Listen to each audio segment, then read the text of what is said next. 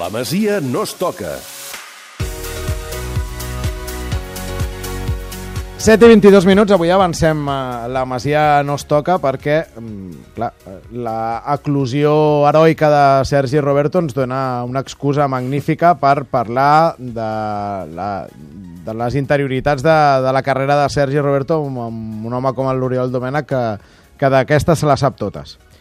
Bueno, jo l'altre dia també pensava que sempre es diu que un jugador quan marca un gol així, pues, el que marca sempre s'ho mereix, no? però jo crec que si hi ha algun jugador d'aquest equip que mereixia un gol com aquest, jo crec que és Sergi Roberto, no?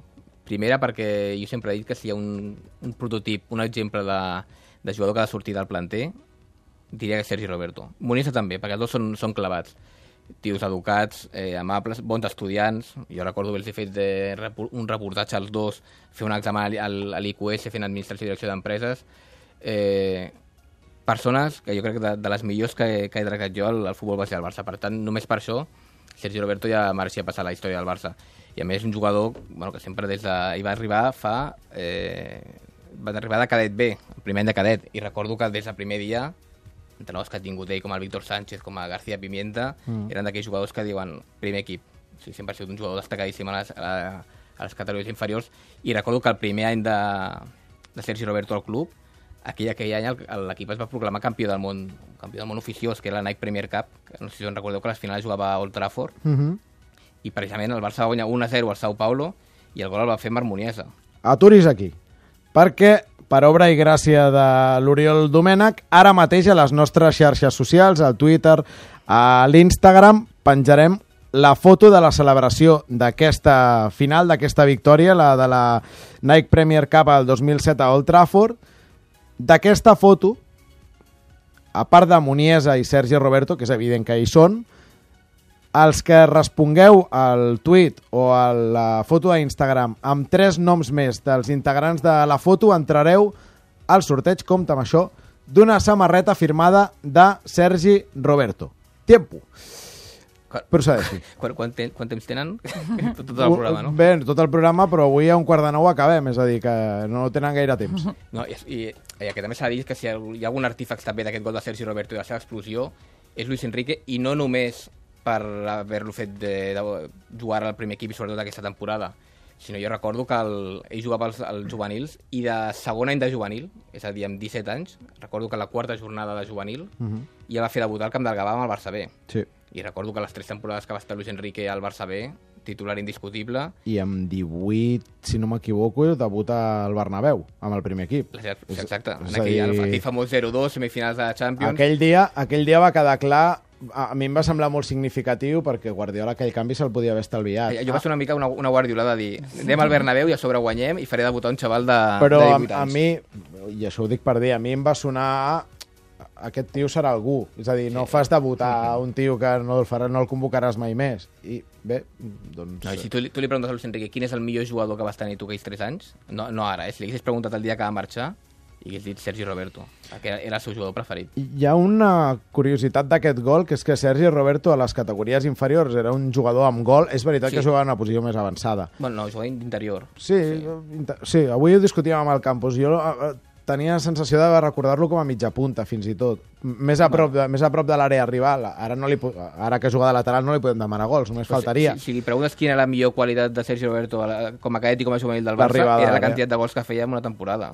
Se'n podien els 15 perfectament. I ara, en canvi... Sí que és el... que el Barça B ja, ja no va ser tan no, golejador, no. va baixar el, el seu número de gols, però clar, és evident que jugant de lateral pues, ho, ho té molt més complicat.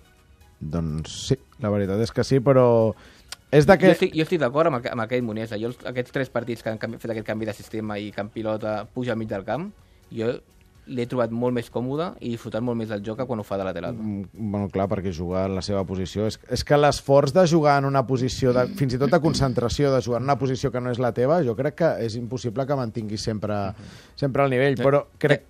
Desde bueno, aquí, la, aquí la habíamos hablado a veces que era una pena que no se contara durante la temporada con, con Aleix Vidal, porque en algunas ocasiones en el juego el Barça se estaba perdiendo a Sergi Roberto de centrocampista. No, no. I, I et diré no, més, i... Gemma, ara que treus el nom d'Aleix Vidal, que l'altre dia ho pensava, amb el canvi de sistema, Aleix Vidal per mi seria titular, sens dubte, per davant de Rafinha, no, perquè i... Rafinha no és un extrem. I que jo crec que el fet de que l'Eix Vidal no hagi jugat res durant tota la temporada, jo crec que va arribar... Jo crec que ara el Sergio Roberto està més recuperat, però el mes de gener jo crec que estava fos, física i mentalment, jugar. perquè al final és un jugador que ho ha jugat fins als quatre primers mesos de la temporada, tots més o menys han rotat, i el mm. que menys ha rotat ha sigut ell. El que, en el que tothom coincideix de Sergi Roberto és que és d'aquells futbolistes que quan li passa alguna cosa bona tothom se n'alegra i això, això no passa per, per qualsevol cosa, sinó passa perquè la gent que està en el seu entorn coneix no només que és un bon futbolista, sinó que, que deixa una àurea de, de bon paio. Oriol, rematem la Masia perquè aquesta setmana hem tingut una gran notícia també, que passa que ha quedat lògicament eclipsada. El Barça va remuntar també contra el Porto i es va classificar per la Final Four de la Youth League. Setmana europea que s'han jugat els quarts de final i, com dius tu, anava perdent 1-0 i va marcar dos gols en els últims minuts, el segon de penal en Boula quan faltaven 5 minuts i ara del 21 al 24 d'abril, Final Four, el Barça mm. ja va guanyar la primera, que es va jugar el 2014. Amb el gol aquell de Munir des del mig del camp. Correcte, 3 a 0 contra l'Efica. Curiosament, dels 4 equips que van jugar el 2014, 3 repeteixen ara. Mm. Perquè en aquella feina fou hi havia el Benfica, el Madrid i el Barça, que repeteixen, i, ara i el quart equip era el Schalke, el Schalke de l'heroi Sané, mm -hmm. i ara és el Salzburg.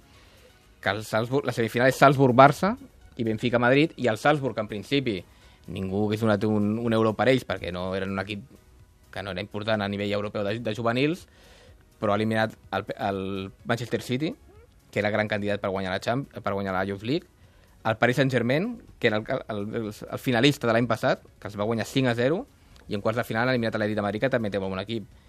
Eh, bueno, he parlat amb l'Òscar Garcia, que es coneix bastant, clar, mm -hmm. diu que són jugadors tots ja de 19 anys, i dels que de l'11 teòricament titular, 4 i han debutat també al primer equip. Vull que serà un equip molt difícil de guanyar per part del Barça a, la, a les semifinals de Nyon. Doncs això és el cap de setmana... De... No, 21 i 24 d'abril, sempre és un divendres i un dilluns. Ah, val. Ah, divendres 21 d'abril ens... les semis, dilluns 24 d'abril la final. Ens va, ens va bé perquè és el cap de setmana del Clàssic i llavors no ens hauria anat bé solapar-se. la Lliga el diumenge i la Youth League el dilluns.